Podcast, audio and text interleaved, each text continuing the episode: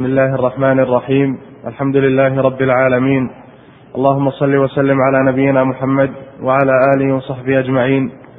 قال شيخ الإسلام رحمنا الله تعالى وإياه فمن كان متبعا للأنبياء نصره الله سبحانه بما نصر به الأنبياء.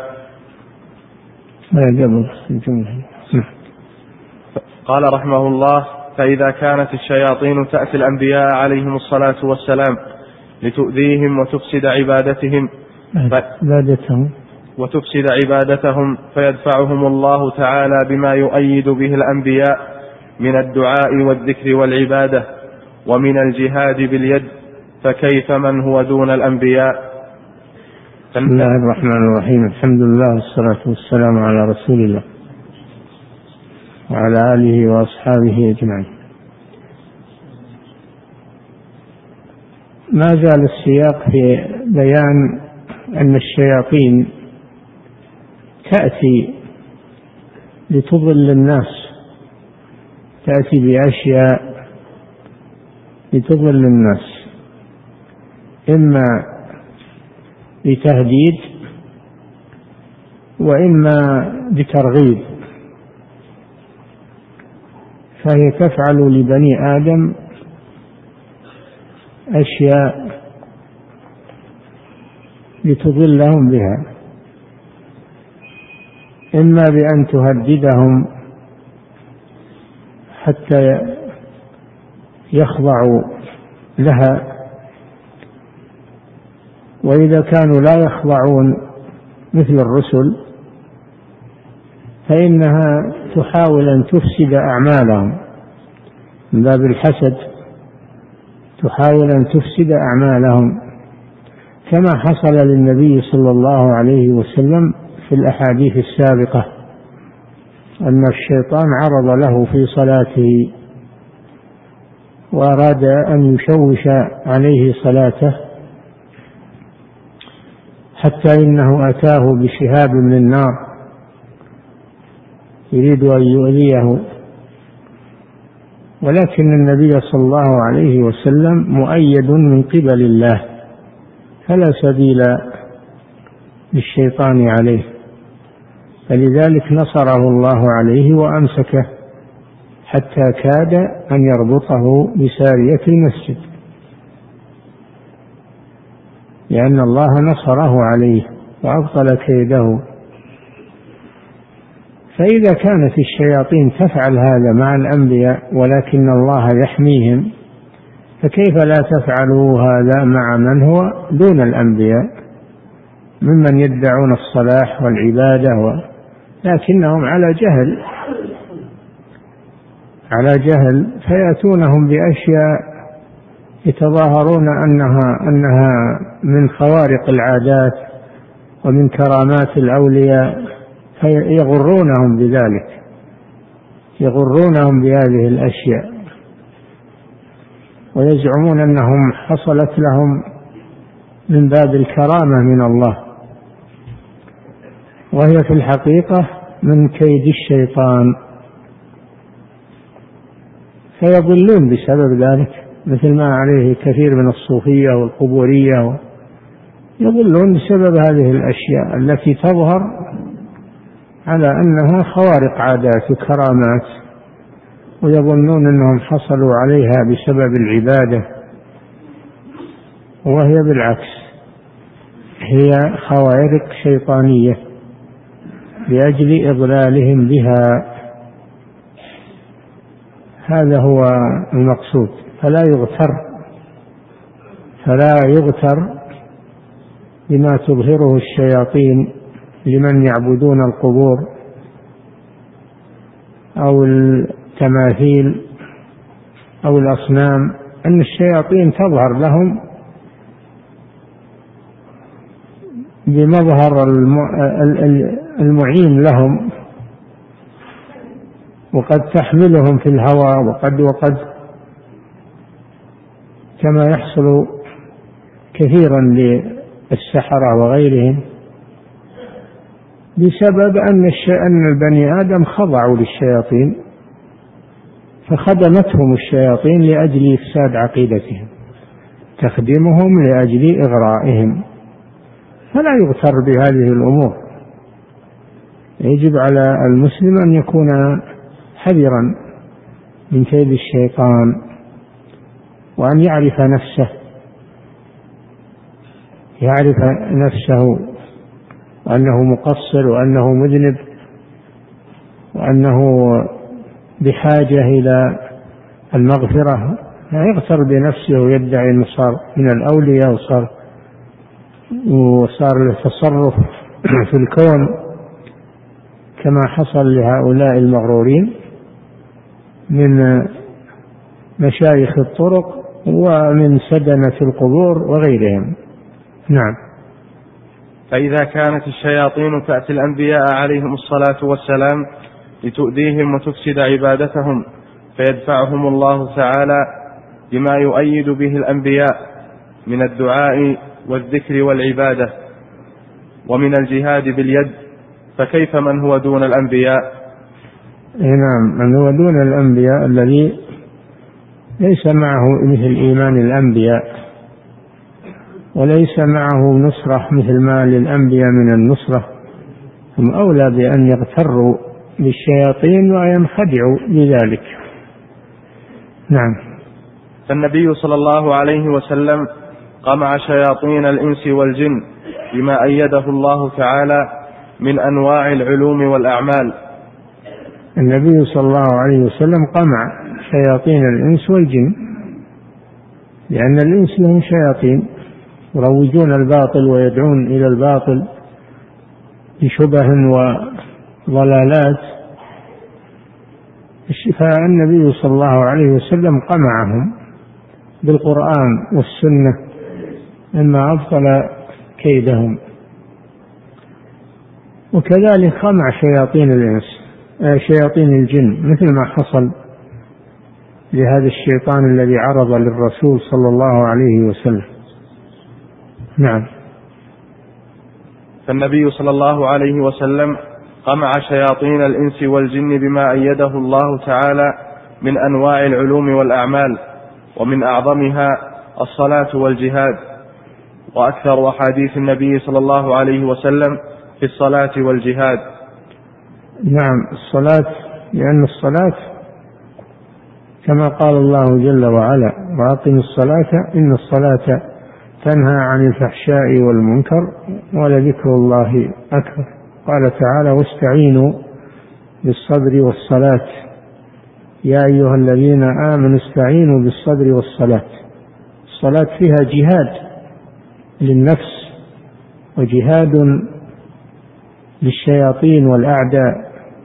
يعين الله المصلين على مشاق الحياة وعلى الأعداء. خلاف الذين يضيعون الصلاة فإنها تتسلط عليهم أعداؤهم ولا يكون لهم عون من الله سبحانه وتعالى. وكذلك الجهاد الجهاد بالسلاح الجهاد بالحجة والجهاد بالسلاح الجهاد على نوعين جهاد باللسان بالحجة وجهاد بالسيف والسنان. فالله يؤيد أهل الإيمان بهاتين الخصلتين وتكاثرت الأحاديث في الحث على الصلاة لما فيها من من الإعانة للعبد وحمايته ولكونها تقرب العبد من الله بذكره ولذكر الله أكبر وكذلك الجهاد فإنه يقمع شياطين الإنس والجن. وما ترك قوم الجهاد في سبيل الله وهم يقدرون عليه إلا سلط الله عليهم شياطين الإنس والجن. ما ترك قوم الجهاد في سبيل الله وهم يقدرون عليه إلا سلط الله عليهم شياطين الإنس والجن. الجهاد يقمع يقمع الشياطين. ويرد كيدهم. هم لا يقفون. إذا سمحت لهم الفرصة دخلوا على المسلمين للإضرار بهم ولإزالة الدين. هم لا منا تركناهم يتركوننا. لا ولا يزالون يقاتلونكم حتى يردوكم عن دينكم. إن استطاعوا فهم ليسوا إذا تركناهم تركونا إنما يتسلطون علينا. إذا تركناهم تسلطوا علينا زيادة. نعم. والله جل وعلا قال لنبيه يا أيها النبي جاهد الكفار والمنافقين. كفار يجاهدون بالسلاح والمنافقون يجاهدون بالحجة ورد باطلهم وشبهاتهم. نعم. وأكثر أحاديث النبي صلى الله عليه وسلم في الصلاة والجهاد. نعم. فمن كان متبعا للأنبياء نصره الله سبحانه بما نصر به الأنبياء. كما أن الله نصر الأنبياء على أعدائهم من شياطين الإنس والجن فإن الله ينصر أتباع الأنبياء. كذلك. ينصر أتباع الأنبياء بما نصر به الأنبياء. نعم. وأما من ابتدع دينا لم يشرعوه فترك ما أمروا به من عبادة الله وحده لا شريك له واتباع نبيه فيما شرعه لأمته وابتدع الغلو في الأنبياء والصالحين والشرك بهم فإن هذا يتلعب به الشيطان الشياطين. نعم هذه فائدة عظيمة أن من تمسك بالدين وتابع الأنبياء نصره الله. ولم يستطيع العدو أن يتغلب عليه بل هو الذي يتغلب على العدو. إذا تمشى على الدين والسنة في العقيدة وفي العمل وفي الآداب والأخلاق تمسك بالسنة فإن الله ينصره. أما إذا أنه تعلق بالبدع ورغب في البدع وهجر السنن فعلى العكس فإن الله يذله ويسلط عليه أعداءه. ولذلك كم عدد المسلمين اليوم؟ إن صدق حدهم يقولون مليار أو أدري كم أكثر من مليار أين هم؟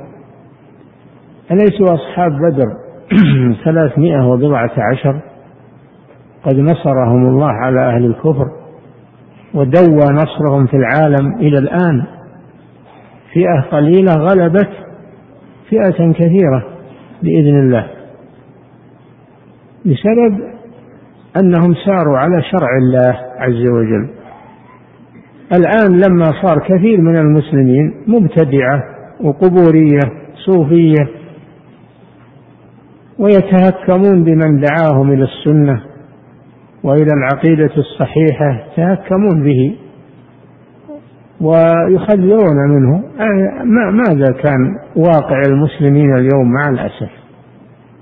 ماذا كان واقع المسلمين؟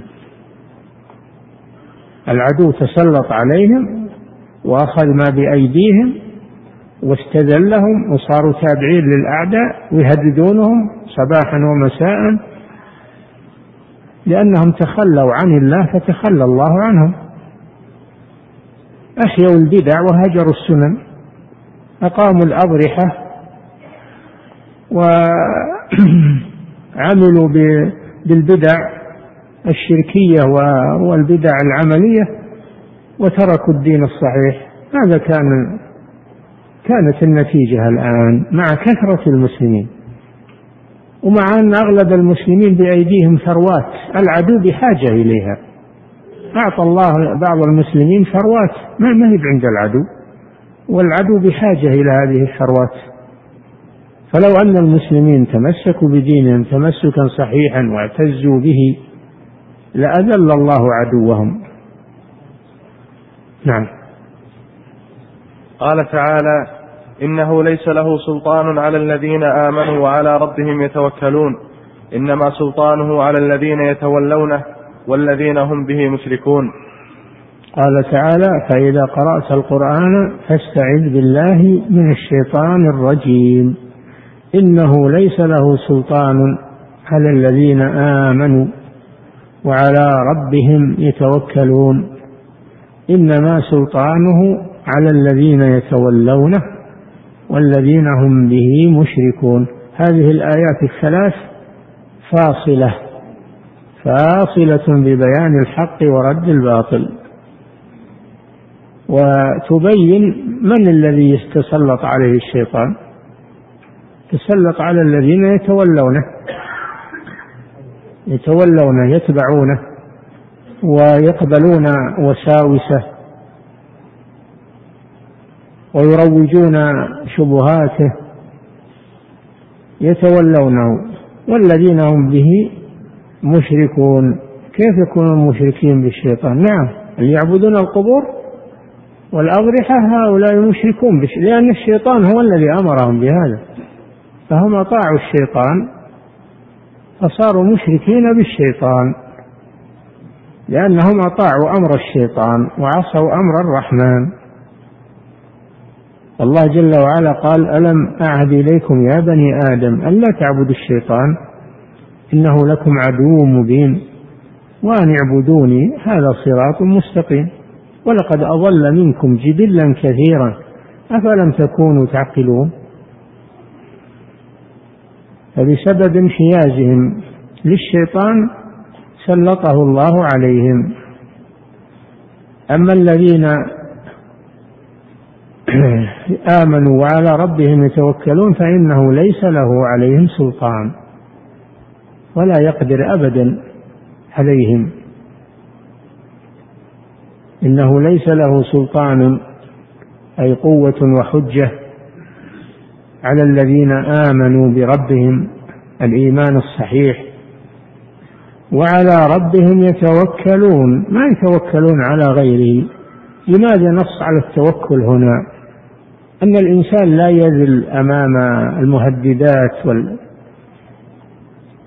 أو المغريات فلا يتفاعل مع التهديد والوعيد ولا مع الوعود والترغيب بل إنه يتوكل على الله ويفوض أمره إلى الله جل وعلا. فهذا ينصره الله سبحانه وتعالى. نعم. وقال تعالى إن عبادي ليس لك عليهم سلطان إلا من اتبعك من الغاوين.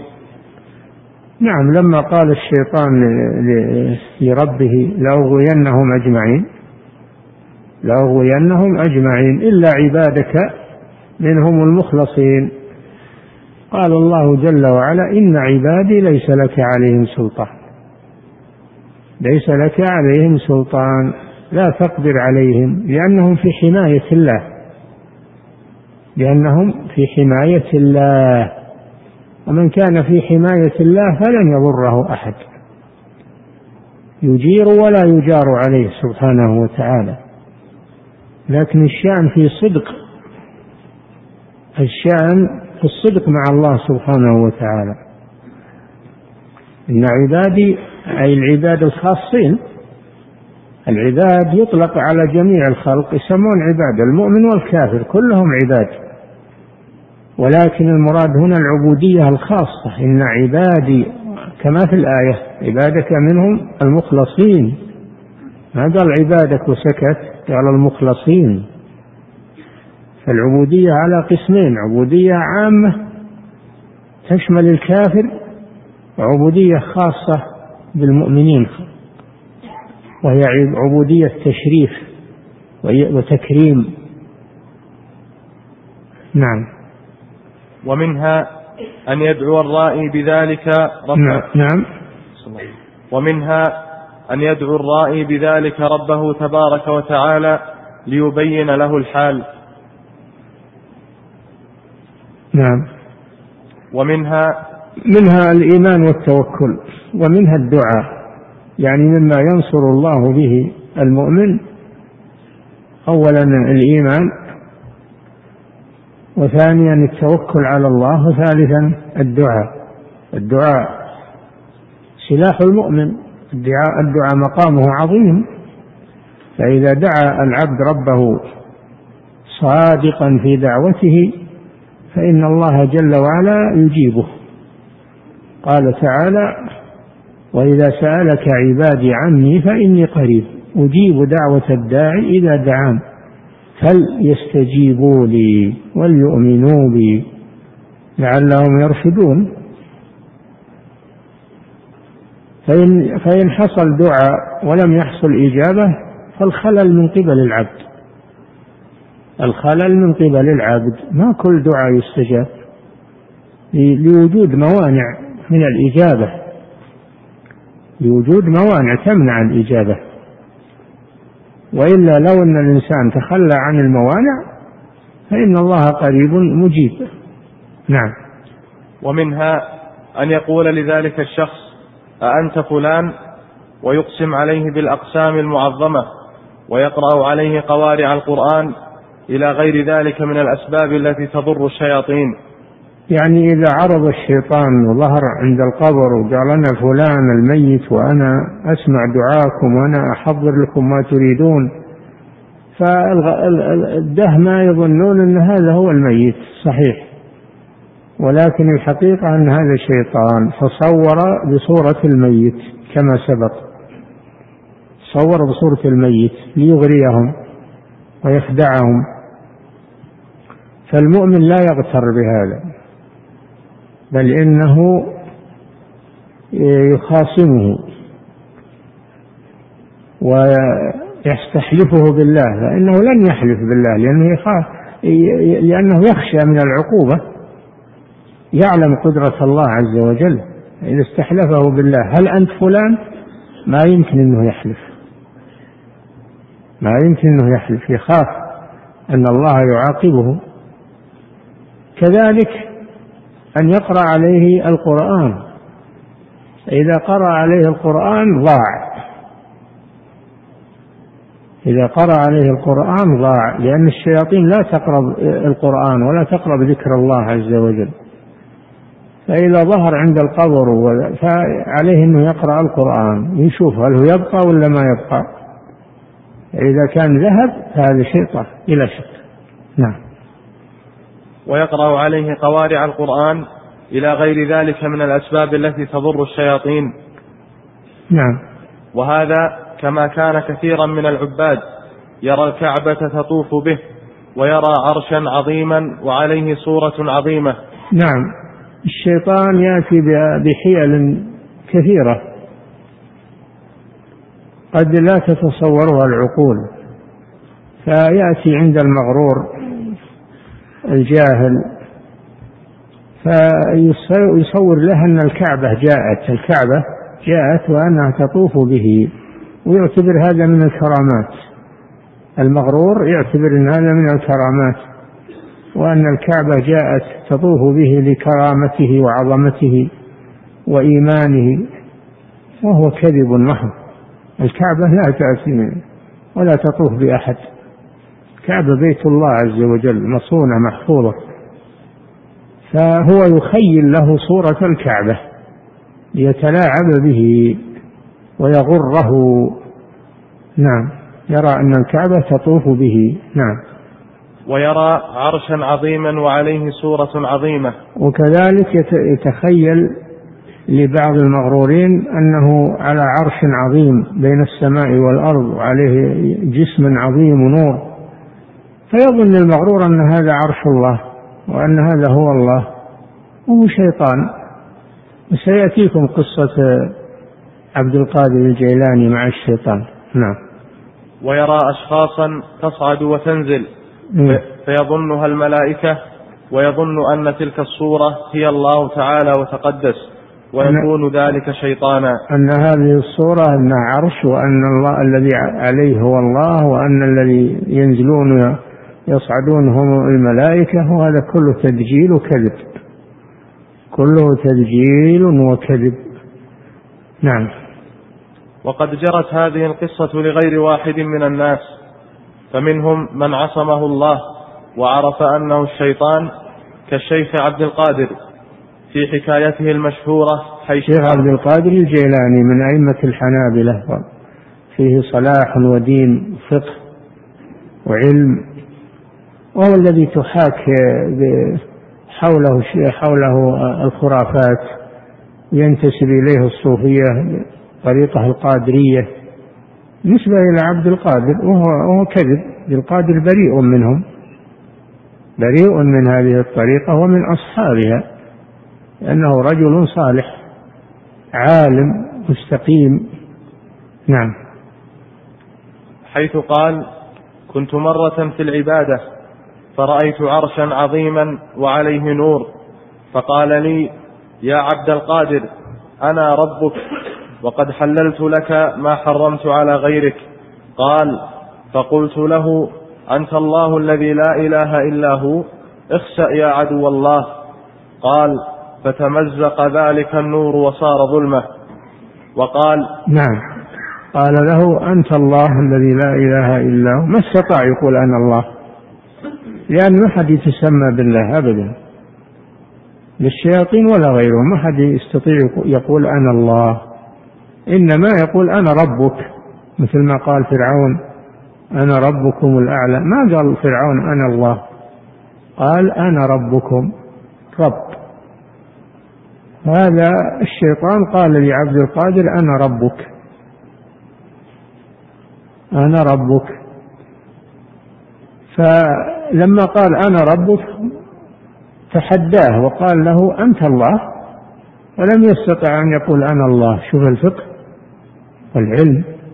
لم يستطع يقول أنا الله. دل على أنه أنه كذاب.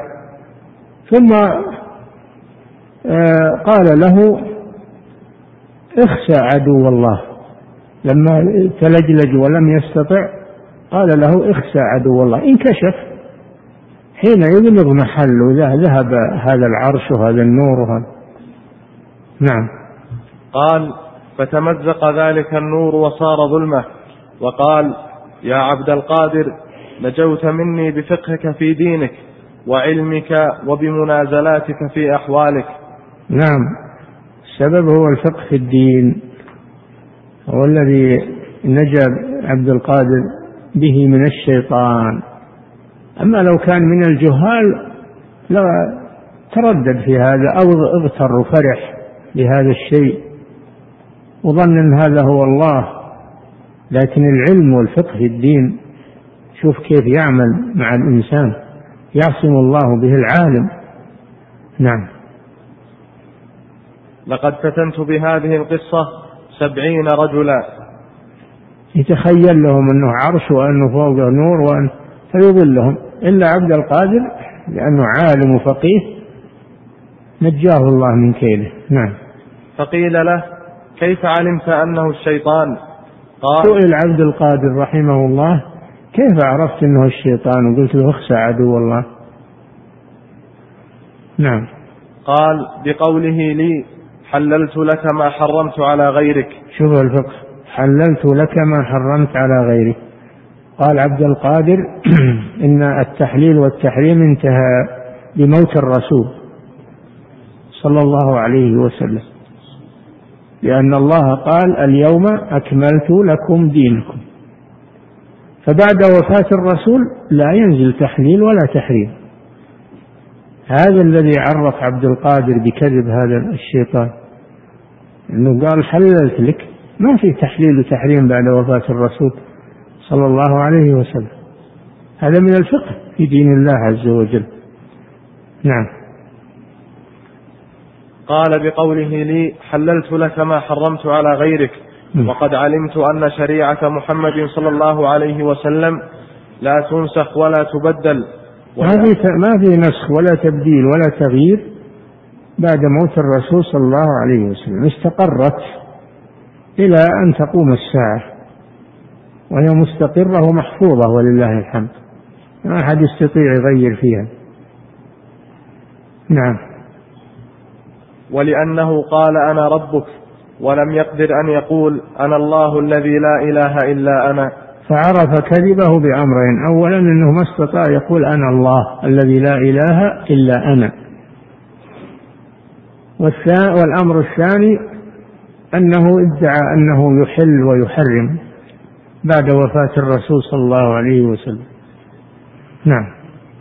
ومن هؤلاء من اعتقد أن المرئي هو الله وصار هو وأصحابه يعتقدون أنهم يرون الله تعالى في اليقظة. نعم. ومن هؤلاء الذين يتراءى لهم الشيطان من يصدق الشيطان ويظن أن هذا الذي تراءى له هو الله. وأن الذي خاطبه هو الله. وهذا كثير عند الصوفية. يقولون نحن نتلقى علمنا من الله. ولا نتلقاه عن أحد لا من الرسل ولا من غيرهم. الرسل للعوام. أما نحن فنحن وصلنا إلى الله فنأخذ عن الله مباشرة. هكذا يقولون. نعم. ومن هؤلاء من اعتقد أن المرئي هو الله وصار هو وأصحابه يعتقدون أنهم يرون الله تعالى في اليقظة. الله جل وعلا لا يرى في الدنيا لا يرى في الدنيا في اليقظة ابدا. موسى عليه السلام كريم الله قال ربي أرني أنظر إليك. قال لن تراني ولكن انظر إلى الجبل فإن استقر مكانه فسوف تراني. فلما تجلى ربه للجبل جعله دكا. الجبل الأصم دك من عظمة الله. فكيف الإنسان البشر المخلوق اللحم والدم يستطيع أن يرى الله في هذه الدنيا؟ إذا كان الجبل ما ثبت فكيف يثبت الإنسان؟ فالله لا يرى في اليقظة في الدنيا إنما يرى في الآخرة. يرى بالعين رؤية عيان في الآخرة لأن الله يعطي أهل الجنة قدرة وقوة على أن يستطيعوا رؤيته سبحانه وتعالى. ما في الدنيا لا. أما إن الله يرى في المنام نعم يمكن هذا يمكن أن الله يرى في المنام. لبعض الناس الرسول صلى الله عليه وسلم أيضا لا يمكن أن يرى بعد موته في اليقظة. كما تدعي الصوفية أنه يأتي ويحضر حفلاتهم ويحضر موالدهم هذا كذب الرسول ما يأتي. وإنما هذا شيطان. فالرسول لا لا يرى في الدنيا بعد موته صلى الله عليه وسلم ولا يأتي لكن قد يرى في المنام لمن يعرف الرسول صلى الله عليه وسلم لأن الشيطان لا يتمثل بصورة الرسول صلى الله عليه وسلم. لكن هذا يحصل لمن يعرف صورة الرسول صلى الله عليه وسلم. يعرف صورة الرسول وهيئة الرسول صلى الله عليه وسلم. وهذا نادر في العلماء. نعم. وصار هو وأصحابه يعتقدون أنهم يرون الله تعالى في اليقظة ومستندهم ما شاهدوه وهم صادقون فيما يخبرون به. ولكن لم يعلموا أن ذلك هو الشيطان. هم نعم هم صادقون إنهم يقولون رأينا كذا ورأينا هم نعم هذا صحيح. هم رأوا كذا. لكن هل هو الله أو هو الرسول؟ لا. هذا شيطان. نعم. وهذا قد وقع كثيرا لطوائف من جهال العباد. يظن أحدهم أن جهال العباد يعني الصوفية الذين يعبدون الله بغير علم وبغير بصيرة. نعم. يظن أحدهم أنه يرى الله تعالى بعينه في الدنيا لأن كثيرا منهم أري ما ظن أنه الله وإنما هو شيطان. نعم. لأنه ليس عنده علم فظن أن هذا هو الله أو اعتقد أن هذا هو الله. أما الذي عنده علم وهو مثل عبد القادر فإنه دحر الشيطان دحره وأصغره. نعم. وكثير منهم لكن هذا يدل على فضل العلم وعلى أن المسلم بحاجة إلى العلم بحاجة إلى العلم الصحيح أن يتعلم وأن يتفقه في دين الله عز وجل حتى يسلم من هذه الشبهات وهذه الشرور. نعم. وكثير منهم رأى من ظن أنه نبي أو رجل صالح أو الخضر وكان شيطانا. نعم وبعض الشياطين يتصور بصورة النبي صلى الله عليه وسلم ولكن صورة مكذوبة ما هي بصورة الرسول صلى الله عليه وسلم الحقيقية لأن الشيطان لا يتصور بصورة الرسول الحقيقية لكن قد يتصور صورة موهومة فالذي لا يعرف الرسول يصدق هذه الصورة. يصدق. هذا أيضا يدلكم على أن المسلم بحاجة إلى العلم بحاجة إلى أن يعرف الرسول صلى الله عليه وسلم يعرف سيرته ويعرف يعرف صفاته عليه الصلاة والسلام حتى كأنه ينظر إليه من أجل أن لا يخدعه الشيطان ويغره. نعم. وكثير منهم رأى من ظن أنه نبي أو رجل صالح أو الخضر وكان شيطانا أو الخضر. والخضر هو عبد من عباد الله آتاه الله علما. كان في وقت موسى عليه السلام. كان في وقت موسى عليه السلام. فقال الله لموسى إن لي عبدا عنده من العلم ما ليس عندك. فذهب موسى عليه السلام إلى الخضر. سافر إلى الخضر ليتعلم منه. القصة المذكورة في آخر سورة الكهف. سورة الكهف. هذا هو الخضر عبد صالح. بعض العلماء يقول إنه نبي. الله أعلم. قيل إنه عبد صالح وقيل إنه نبي لأن الله أجرى على يده معجزات. معجزات. كما ذكرها الله في القرآن. نعم. فهذا هو الخبر. نعم. وقد ثبت في الصحيح عن النبي صلى الله عليه وسلم أنه قال من رآني في المنام فقد رآني حقا فإن الشيطان لا يتمثل في صورتي. في صورتي نعم. هذا إذا عرفت صورة الرسول صلى الله عليه وسلم. عرفتها وتيقنتها فلا يمكن أن الشيطان يظهر لك بها. أما إذا كنت تجهل صورة الرسول صلى الله عليه وسلم فإنه قد يظهر في أي صورة ويقول لك أنا الرسول. نعم. فهذا في رؤية المنام لأن الرؤية في المنام تكون حقا وتكون من الشيطان. إي نعم. قوله صلى الله عليه وسلم من رآني فقد رآني فإن الشيطان لا يتمثل بي. هذا في المنام في رؤية المنام. أما أنه يرى في اليقظة بعد موته صلى الله عليه وسلم هذا كذب. ولا أحد يرجع إلى الدنيا من الأموات.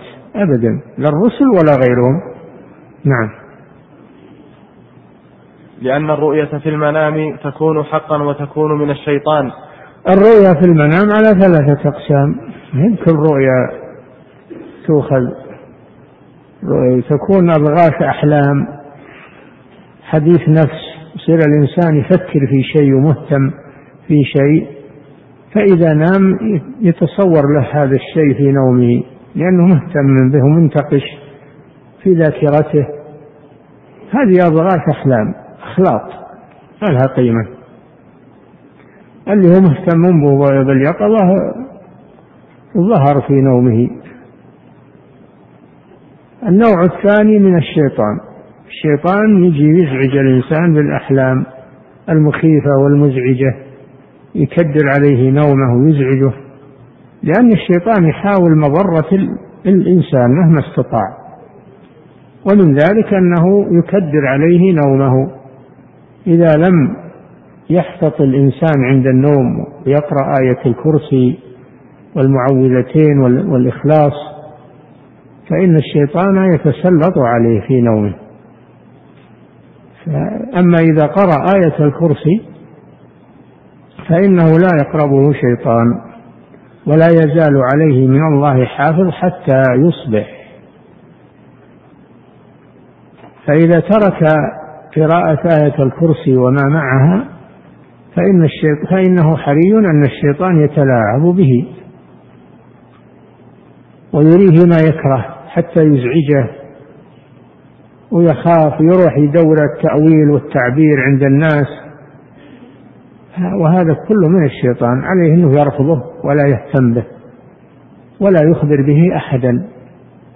النبي صلى الله عليه وسلم أرشد إلى أن من رأى رؤيا يكرهها فإنه أولا يتحول من جنبه الذي هو عليه إلى الجنب الآخر. ثانيا أن ينفث عن, عن يساره ثلاث مرات ويقول نعوذ بالله من الشيطان الرجيم. ثالثا ألا يخبر بها أحدا ولا يفسرها فإنها لا تضره بإذن الله. القسم الثالث الرؤيا الحق الرؤيا الحق وهي التي تجري على يد الملك. ملك من الملائكة يأتي للإنسان برؤيا حق وهذا حصل للرسول صلى الله عليه وسلم للرسل وهي أول ما بدأ به الوحي الرؤيا الصادقة تحصل للمؤمنين تحصل لهم رؤى مبشرات. هذه رؤيا حق هذه لا بأس أنه يفرح بها ويخبر بها من من يحب. نعم. لأن الرؤية في المنام تكون حقا وتكون من الشيطان فمنعه الله تعالى أن يتمثل به في المنام. إي نعم لما كانت الرؤيا حق منع الله الشيطان أن يتمثل به في المنام. ابدا ما يتمثل الشيطان بصورة الرسول. فإن جاء إلى النائم متمثل فهذا كذب. ما هو ما هو بالرسول. يعلم الإنسان هذا. إلا إذا كان يعرف صفات الرسول صلى الله عليه وسلم.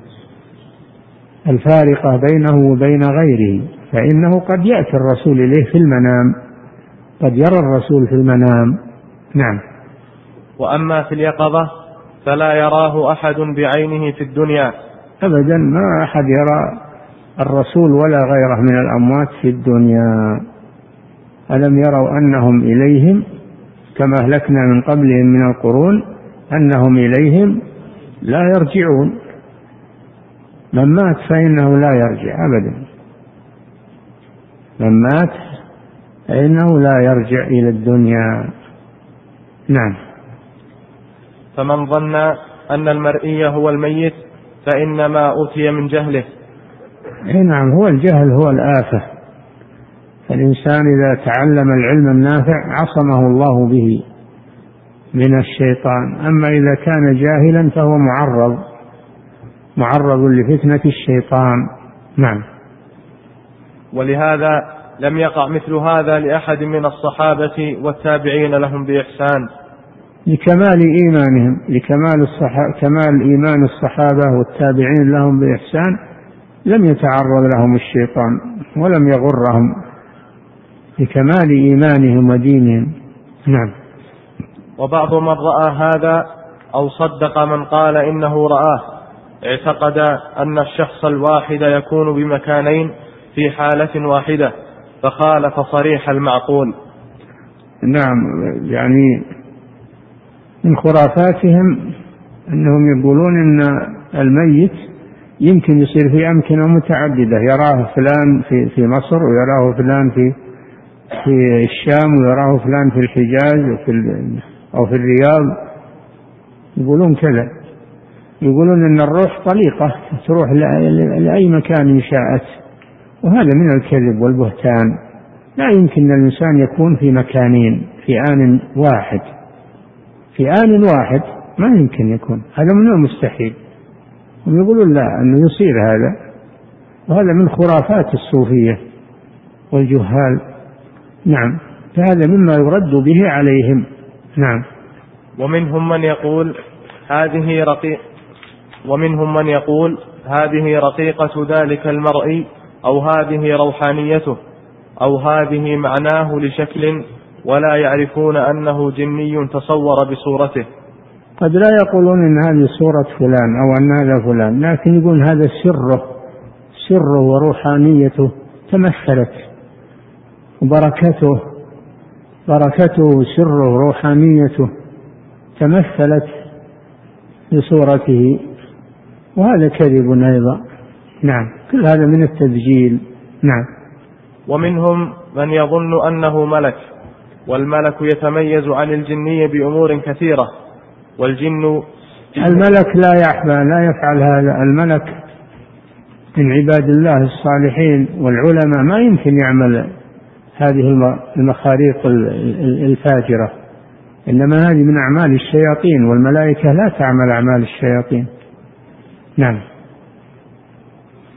ومنهم من يظن أنه ملك والملك يتميز عن الجني بأمور كثيرة. هذا رد عليهم. الملك يتميز عن الجني ما يشتبه الملك بالجني أبدا. نعم. والجن فيهم الكفار والفساق والجهال. الملائكة كلهم صالحون كلهم صالحون. أما الجن ففيهم وفيهم فيهم الصالحون والمسلمون فيهم الكفار فيهم العصاة وأنا منا الصالحون ومنا دون ذلك وأنا منا المسلمون ومنا القاسطون. فالجن مثل الإنس فيهم الكفار والمشركون فيهم المؤمنون. فيهم العصاة والفساق. نعم. وفيهم المؤمنون المتبعون لمحمد صلى الله عليه وسلم تسليما. فكثير ممن لم يعرف أن هؤلاء جن وشياطين يعتقدهم ملائكة. إيه هذا من نتيجة الجهل. ما يفرقون بين الملائكة وبين الشياطين. فيعتقدون أن هؤلاء الشياطين أنهم ملائكة. ويعتبرون أن هذا من إكرام الله لهم وأن الملائكة تخدمهم وما أشبه ذلك. نعم. وكذلك الذين يدعون الكواكب وغيرها من الأوثان تتنزل على أحدهم روح يقول هي روحانية الكواكب.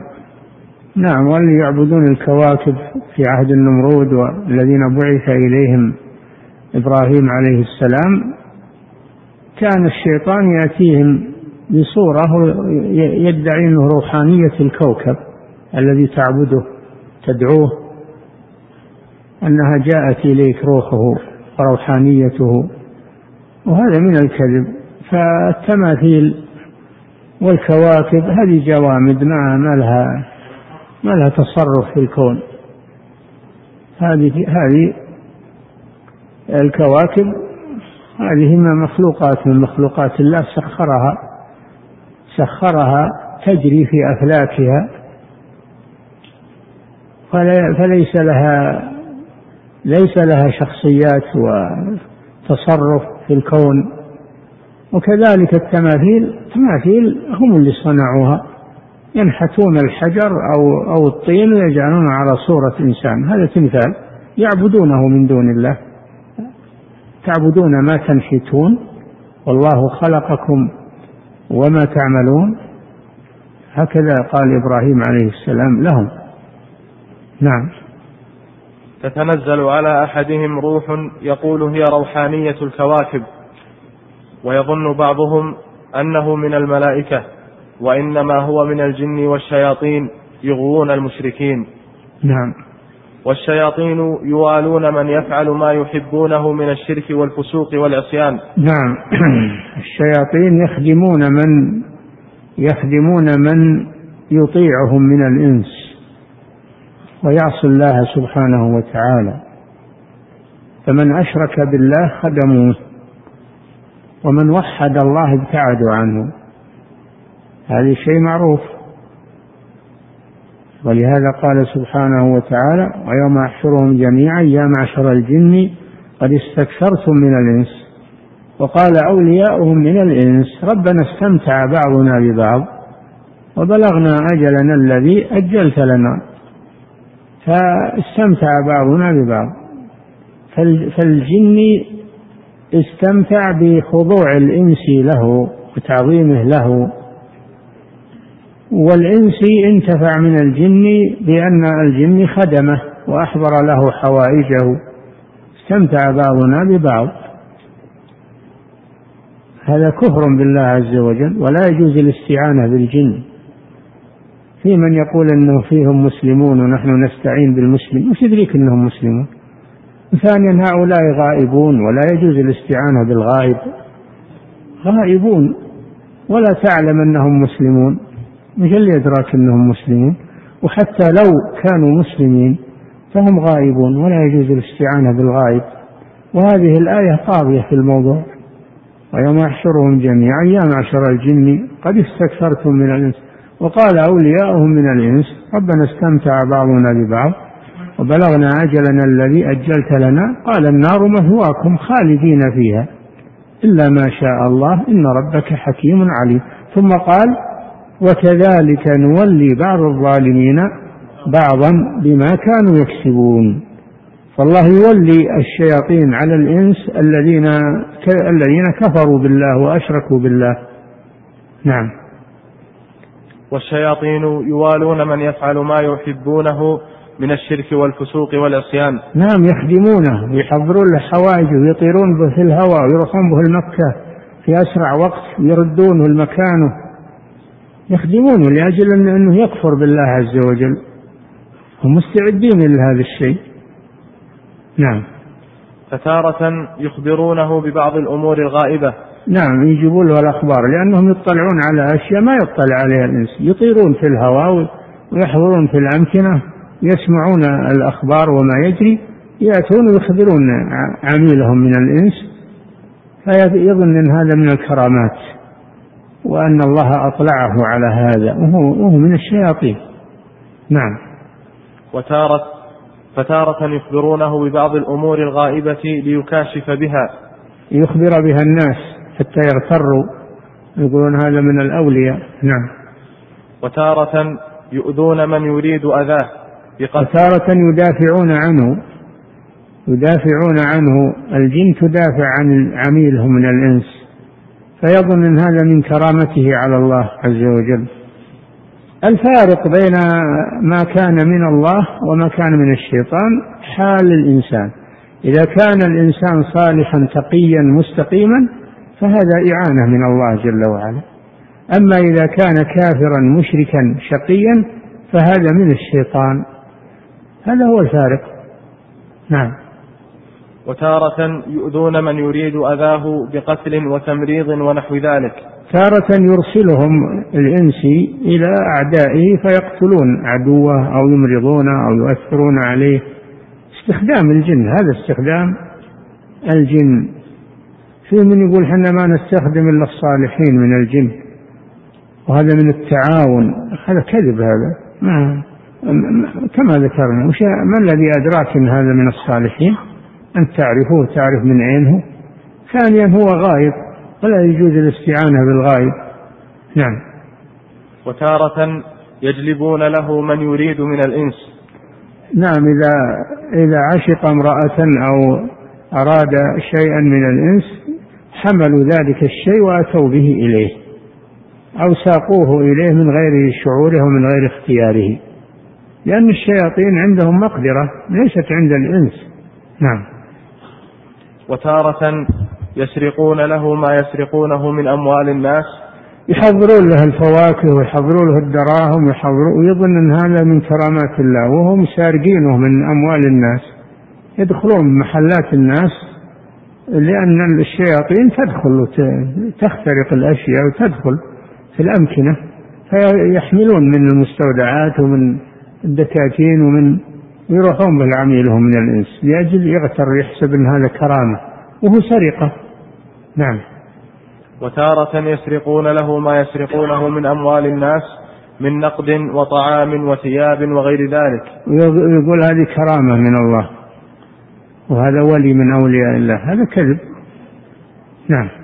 فيعتقد أنه من كرامات الأولياء. نعم. وإنما يكون مسروقا.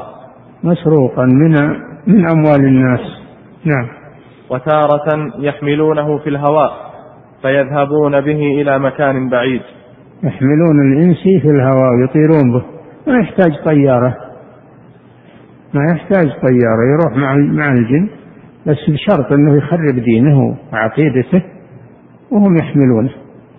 ولا يحتاج إلى طيارات. نعم. فمنهم من يذهبون به إلى مكة عشية عرفة. ويعودون به فيعتقد هذا كرامة. يذهبون بعشية عرفة ليحضر الدعاء ويحضر ويردونه لمكانه ويظن أن هذا كرامة. وهو من خداع الشيطان. مكة ما تبلغ إلا بالوسائل المعروفة وسائل النقل والسفر. ما تحصل يعني بلحظة في الهواء. هذا شيطان. نعم. لأجل يضر هذا هذا هذا الإنسان. نعم. فمنهم من يذهبون به إلى مكة عشية عرفة ويعودون به فيعتقد هذا كرامة مع أنه لم يحج حج المسلمين. ما راح يبي يحج راح بس بحضر يوم عرفة ويجي بأشغاله وأعماله هل هذا من المسلمين اللي يعمل العمل هذا؟ هذا من أتباع الشياطين. المسلم ما يمكن يصل عرفة ويرجع بليلة واحدة. قد يكون في أقصى المشرق أو أقصى المغرب ويروح إلا بالوسائل الحديثة الطائرات وهذه وسائل مباحة ما هي؟ ما هي بسبب يعني ما هي بسبب الكرامات أو هذه حتى مع الكفار اللي هم مشركون يركبونها ويروحون عادية يعني وسائل نقل عادية. ما هي بسببها الإيمان والكفر؟ سببها الصناعة. هذه صناعة أقدر الله عليها البشر. نعم. وهي وهي وسائل معروفة. أما أما الشياطين وسائلهم مجهولة ما حد يعرفها. نعم. فيعتقد هذا كرامة مع أنه لم يحج حج المسلمين. لا أحرم. لأنه ليس بمسلم. كيف يحج حج المسلمين وهو ليس بمسلم؟ هذا مشرك. نعم. لا أحرم ولا ويقول إن, إن, إن الحج بصورته هذه شغل العوام. هذه شغل العوام أما نحن خواص ما نحتاج إلى الحج ولا إلى الصلاة ولا إلى اللي يحتاجها العوام فقط. نعم. لا أحرم ولا لبى ولا يعني ما عمل عمل المسلمين لا أحرم من الميقات ولا لبى ولا أدى المناسك لأنه ما يعتقد عمل المسلمين يعتقد أنه ما هو محتاج له وأنه وصل إلى الله مباشرة. نعم. لا أحرم ولا لبى ولا طاف بالبيت ولا بين الصفا والمروة. لأنه يزعم أنه ليس بحاجة إلى ذلك. نعم. ومعلوم أن هذا من أعظم الضلال. ما في شك لأن هذا ما يعمله مسلم. لا يعمله مسلم أنه يزعم أنه حج وهو ما طاف ولا أحرم ولا لبى ولا رمى الجمرات ولا أدى المناسك. نعم. ومنهم من يذهب إلى مكة ليطوف بالبيت من غير عمرة شرعية فلا يحرم إذا حاذ الميقات. يقوم بالليل ويطوف بالبيت ويجي المنامه يجي المنامه وقد يكون معه ناس يروح من بينهم ما دريوا عنه يجي ينام في مكانه. لأن الشياطين مستعدة لخدمته. حاجين لهم من الأصل. نعم. ومعلوم أن من أراد نسكا بمكة لم يكن له أن يجاوز الميقات إلا محرما.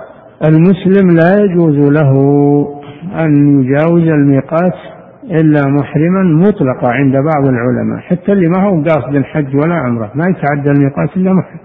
هذا رأي لبعض العلماء. الرأي الثاني أن ما أن الإحرام إنما يلزم من يريد النسك من حج أو عمرة. وأما الذي يمر وهو لا يريد حجا ولا عمرة هذا ما يلزمه الإحرام. هذا مر لا أحرم لا آه، الحج وعمرة ولا لغيرها. مر على الميقات وتعدى حدود الله. تعدى حدود الله والله الميقات ما يتعداه من يريد الحج والعمرة. إلا وهو محرم. وهذا ما هو محرم. راح بثيابه وجاء بثيابه. نعم. ومعلوم أن من أراد نسكا بمكة لم يكن له أن يجاوز الميقات إلا محرما ولو قصدها لتجارة أو لزيارة قريب له.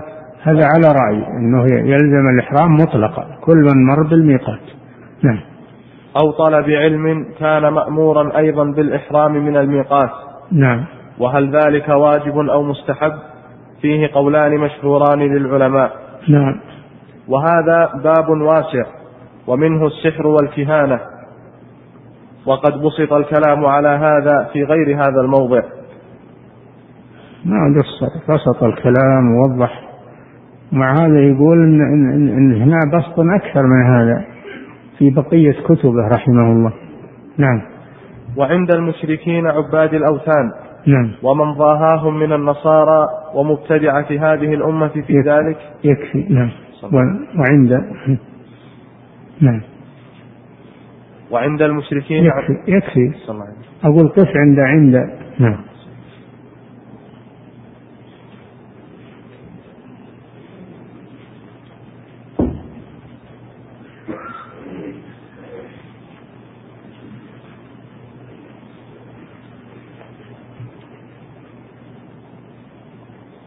أحسن الله إليكم سماحة الوالد. يقول السائل ما هو الضابط في الكرامات؟ وهل يمكن أن تحصل للمقاتلين كأن تصدر منهم رائحة المسك والابتسامة عند الموت؟ فما كيفية التعامل مع هذه القصص؟ هل ترد أم أنها حقيقة؟ الكرامات هي الخوارق. الخوارق للعادة. الخوارق للعادة هذه تنقسم إلى خوارق شيطانية وهي التي مرت بنا.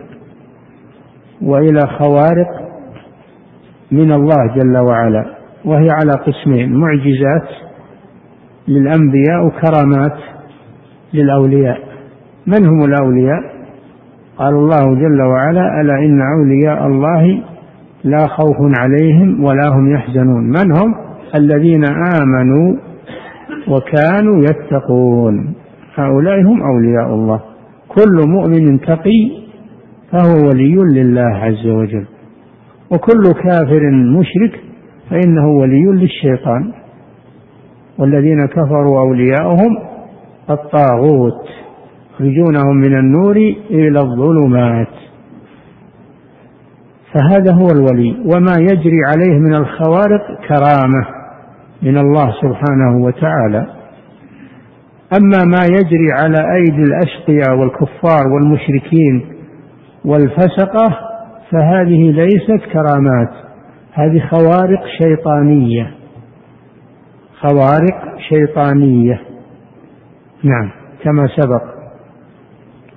صلى الله عليكم. سماحة الوالد يقول السائل ما معنى قول الشيطان لعبد القادر في أسباب نجاته من هذه الفتنة وبمنازلاتك في أحوالك؟ عبادته يعني عبادته لله عز وجل. نعم. إن عبادي ليس لك عليهم سلطان. فهذا من عباد الله المخلصين. نعم. صلى الله عليكم سماحة الوالد. يقول السائل ما هي الأقسام المعظمة؟ نعم. يقول ما هي الأقسام المعظمة؟ الأيمان يعني الأيمان المعظمة تعظم بالصيغة صيغة اليمين. تعظم بالصيغة وتعظم في المكان. تعظم في الصيغة تغلظ يعني يسمونه تغليظ اليمين. تغلظ في الصيغة والله الذي لا إله إلا هو ويكرر من أسماء الله فيها هذه مغلظة في اللفظ. مغلظة في في في المكان بأن يحلف عند الكعبة. يحلف عند الكعبة في الملتزم. هذا في المكان أو في الروضة الشريفة في مسجد الرسول صلى الله عليه وسلم. هذا تغليظ في المكان. تغليظ في الزمان تكون بعد العصر. تكون بعد العصر. تحبسونهما من بعد الصلاة ويقسمان بالله نعم.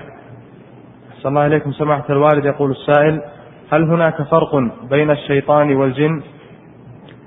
الشيطان من الجن. ما هم كل الجن شياطين؟ منهم مسلمون كما سمعتم مؤمنون أتقياء ومنهم الشياطين. نعم. كل مارد نعات يسمى شيطانا سواء من الجن أو من الإنس. نعم. صلى الله عليكم سماحة الوالد يقول السائل أحد الوعاظ يقول في درسه يكفي. نعم.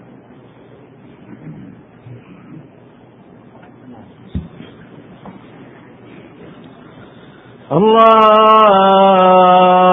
أكبر. الله أكبر. الله أكبر. الله أكبر. الله. أشهد أن لا إله إلا الله. أشهد أن لا إله إلا الله. أشهد أن محمدا رسول الله. أشهد أن محمد رسول الله. حي على الصلاة. حي على الصلاة. حي على الفلاح. حي على الفلاح. الله أكبر. الله أكبر. لا إله إلا الله.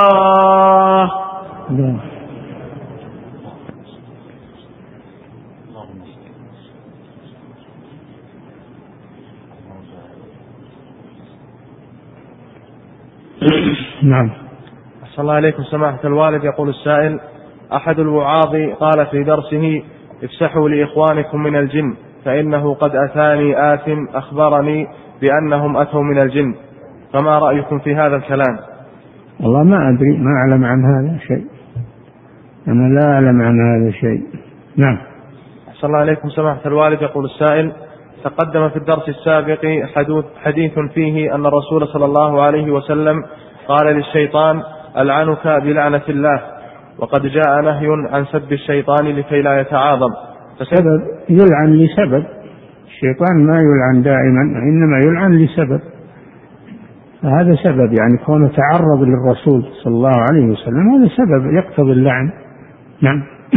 أحسن الله إليكم سماحة الوالد يقول السائل أنا رجل مسحور منذ عدة سنوات ولم يكتب الله لي الشفاء إلى الآن مع عملي بالأسباب الشرعية فهل يجوز لي أن أذبح شاة لله عز وجل وحده وأتوسل بتوحيدي له في عبادتي؟ ومنها ذبحي أن يشفيني خلافا للسحرة. أول شيء ما الذي أدراك؟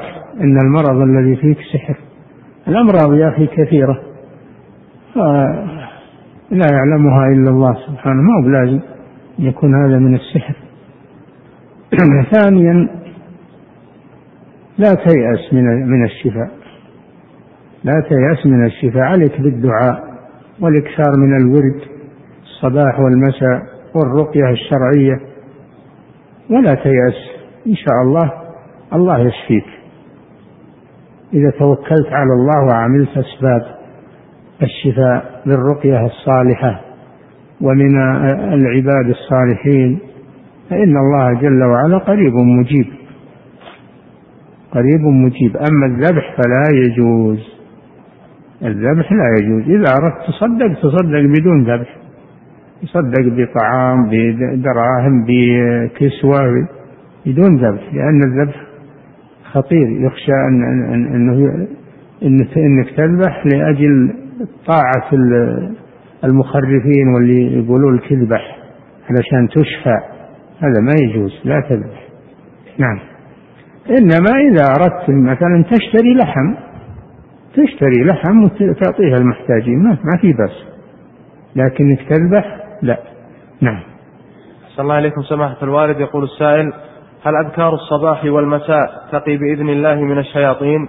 وإذا كان كذلك فكيف جاءت الشياطين للنبي صلى الله عليه وسلم مع أنه أكثر الناس ذكرا لله تعالى؟ ولذلك ردها الله عنه. ولذلك هي تجي لكن يردها الذكر ويردها طاعة. نعم. أحسن الله إليكم سماحة الوالد. يقول السائل صليت منذ فترة بجماعة المسجد وأثناء الصلاة أحسست بخوف ورعب وكأن من يخنق من يخنقني. فلم أستطع أن أكمل قراءة الآيات وأحسست بعد تلك الصلاة بخوف من أن أصلي بأي جماعة مع العلم بأني لم أشعر بمثل ذلك من قبل وأنا أصلي بالناس والخوف هذا يعتريني. والسؤال إذا أردت أن أصلي بأي جماعة أحسست بخوف ورعب شديد. فهل هذا الخوف هو شرك الخوف أم خوف السر لا أبدا هذا ضعف في الشخصية. ضعف في الشخصية وهذا يعرض لكثير من الناس. عند الإمامة لا سيما إذا فوجئوا بالإمامة قيل له صل يا فلان وهو ما هو على استعداد قد. أو اخطب الجمعة قد يرتبك أول مرة. فعليك بالمضي. عليك بالمضي ولا. ومع الاستمرار إن شاء الله يذهب عنك هذا الشيء. نعم. أحسن الله إليكم سماحة الوالد. يقول السائل تقدم معنا أن الشيطان إذا تصور لبعض الناس فإنه يستحلفه بالله وأنه لن يحلف خوفا من عقوبة الله. فكيف الجمع بين ذلك وبين أن الشيطان قد حلف لأبي هريرة رضي الله تعالى عنه في قصة سرقته من مال الصدقة؟ حلف على على صدق صدقك وهو كذوب. ما حلف على كذب. ما حلف على كذب. لأنه لو حلف أنه الله صلى على كذب. ما يمكن هذا. نعم. أحسن الله إليكم سماحة الوالد. يقول السائل هل يرى الله جل وعلا في المنام؟ وهل رأى أحد من الأنبياء أو غيرهم ربه تعالى في المنام؟ في المنام يمكن لكن من الذي رآه؟ الله أعلم. لكنه قالوا أنه ممكن في المنام. لا أما الرؤيا باليقظة لا. نعم. أحسن الله إليكم سماحة الوالد. يقول السائل يقول البعض أن الخضر لم يمت بعد. فهل هذا صحيح؟ وهل المسألة خلافية أم لا؟ هو معطيه تابعية وإقامة حتى يدري أنه, إنه حي. يدري أنه حي. الله جل وعلا يقول كل نفس ذائقة الموت. قال جل وعلا وما جعلنا لبشر من قبلك الخلد. أفإن مت فهم الخالدون. ولو كان الخضر حيا لم يسعه إلا أن يأتي إلى رسول الله صلى الله عليه وسلم ويتبعه. لأن بعد بعثة الرسول صلى الله عليه وسلم ليس هناك دين إلا دين الرسول صلى الله عليه وسلم. فلو كان حيا لجاء إلى الرسول صلى الله عليه وسلم ولم يأتي. نعم. أحسن الله إليكم سماحة الوالد. يقول السائل إذا كان يمكن أن الله تعالى يرى في المنام فكيف أعرف أن الذي رأيته هو الله تعالى حقيقة؟ فربما كان شيطانا متمثلا لي. لأنك ما تدري جاهل. ما لو كنت تعرف صفات الله وعظمة الله عز وجل عندك علم ربما يكون الرؤيا صحيحة. أما أنك جاهل يمكن يجيك أي شيطان ويقول لك أنا الله مثل ما قال لعبد القادر. نعم. أحسن الله إليكم سماحة الوالد. يقول السائل يرد أحيانا عن بعض العلماء أنه قد تشكل عليه مسألة علمية أو صحة حديث فيحدث أنه رأى النبي صلى الله عليه وسلم في المنام فأخبره أن الصحيح كذا وكذا فهل يؤخذ بمثل هذا؟ يمكن هذا نعم يمكن يمكن يحصل هذا يمكن أنه يحصل هذا. نعم. أحسن الله إليكم سماحة الوالد. يقول السائل هل من يرى النبي صلى الله عليه وسلم في المنام يدل على قوة إيمان الرائي أو أنه يدخل الجنة؟ وهل ينبغي للمسلم أن يدعو ربه تعالى أن يريه نبيه صلى الله عليه وسلم في المنام؟ الله أراك نبيه من خلال سنته. إذا كنت حريص على رؤية النبي صلى الله عليه وسلم فاعمل بسنته وستراه في الجنة إن شاء الله. نعم. أحسن الله إليكم سماحة الوالد. يقول السائل إذا كان الإنسان لا يرجع إلى الدنيا فهل كان الذي الذين يحييهم عيسى عليه السلام من الموتى يرجعون إلى الدنيا؟ هذه معجزة يا أخي معجزة خاصة بعيسى ما تحصل لكل أحد. المعجزات غير الأمور العادية. هذا جعله الله على يد عيسى معجزة عليه الصلاة والسلام. مثل القرآن هل أحد يستطيع أن يأتي بالقرآن أو بشيء منه؟ ما حد يستطيع هذه معجزة لنبينا محمد صلى الله عليه وسلم. المعجزات لها شأن. لا يستطيعها البشر ولا تحصل إلا للأنبياء عليهم الصلاة والسلام. نعم. أحسن الله إليكم. سماحة الوالد يقول السائل في بعض المناشط الصوف في بعض المناشط الصيفية هناك بعض الاستعراضات خارقة للعادة. كأكل الجمر والمشي عليه وقد يكون من يفعل ذلك عليه لحية طويلة. هذا سحر هذا سحر تخييلي. ما حد يأكل الجمر أنت ما تضرب الجمر ولا تضرب. كيف تأكله؟ إنما يخيل لكم هذا الشيء إنه يأكل الجمر وهو كذاب. هذه قمرة على الأبصار سحروا أعين الناس واسترهبوهم وجاءوا بسحر عظيم يخيل إليه من سحرهم أنها تسعى هذا سحر تخييلي كذب على الناس وتدجيل وهو ما يسمى بالقمرة. نعم. أحسن الله إليكم. سماحة الوالد يقول السائل ما هو أفضل كتاب وردت فيه صفة النبي صلى الله عليه وسلم؟ كتب كثيرة يا أخي كتب السيرة. كتب السيرة وهي كثيرة ومنها زاد المعاد لابن القيم ومنها سيرة النبي صلى الله عليه وسلم لابن هشام مختصراتها. نعم حديث صحيحة وردت. نعم في سيرة النبي صلى الله عليه وسلم وصفاته. نعم. أحسن الله إليكم سماحة الوالد. يقول السائل هل من الممكن أن يتصور الشيطان بصورة الملائكة؟ لا ما هو من الممكن أبدا. إن الشيطان يتصور بصورة ملك. نعم. أحسن الله إليكم سماحة الوالد. يقول السائل الخوارج الذين خرجوا على المسلمين والصحابة رضي الله عنهم كانوا كثير صلاة وعبادة فكيف أن صلاتهم وعبادتهم لم تنفعهم بأن يتحصنوا من الشياطين وأنهم لم ينتصروا على هواهم؟ الجهل سببه الجهل التعالم التعالم يسبب, يسبب الخروج فهم تعالموا على أنفسهم ولم يتعلموا على الصحابة. ولم يتلقوا العلم عن الصحابة واجتهدوا في العبادة حتى خرجوا عن الحد المألوف والغلو ممنوع في, في, في الإسلام. فسبب هذا هو الغلو والجهل أيضا غلو وجهل والعياذ بالله ورخص للعلماء عندهم. يسخرون من الصحابة يسخرون من العلماء. هذا اللي سبب لهم الهلاك. وهذا ليس خاصا بهم بل يشمل كل من اتصف بصفاتهم إلى أن تقوم الساعة. نعم.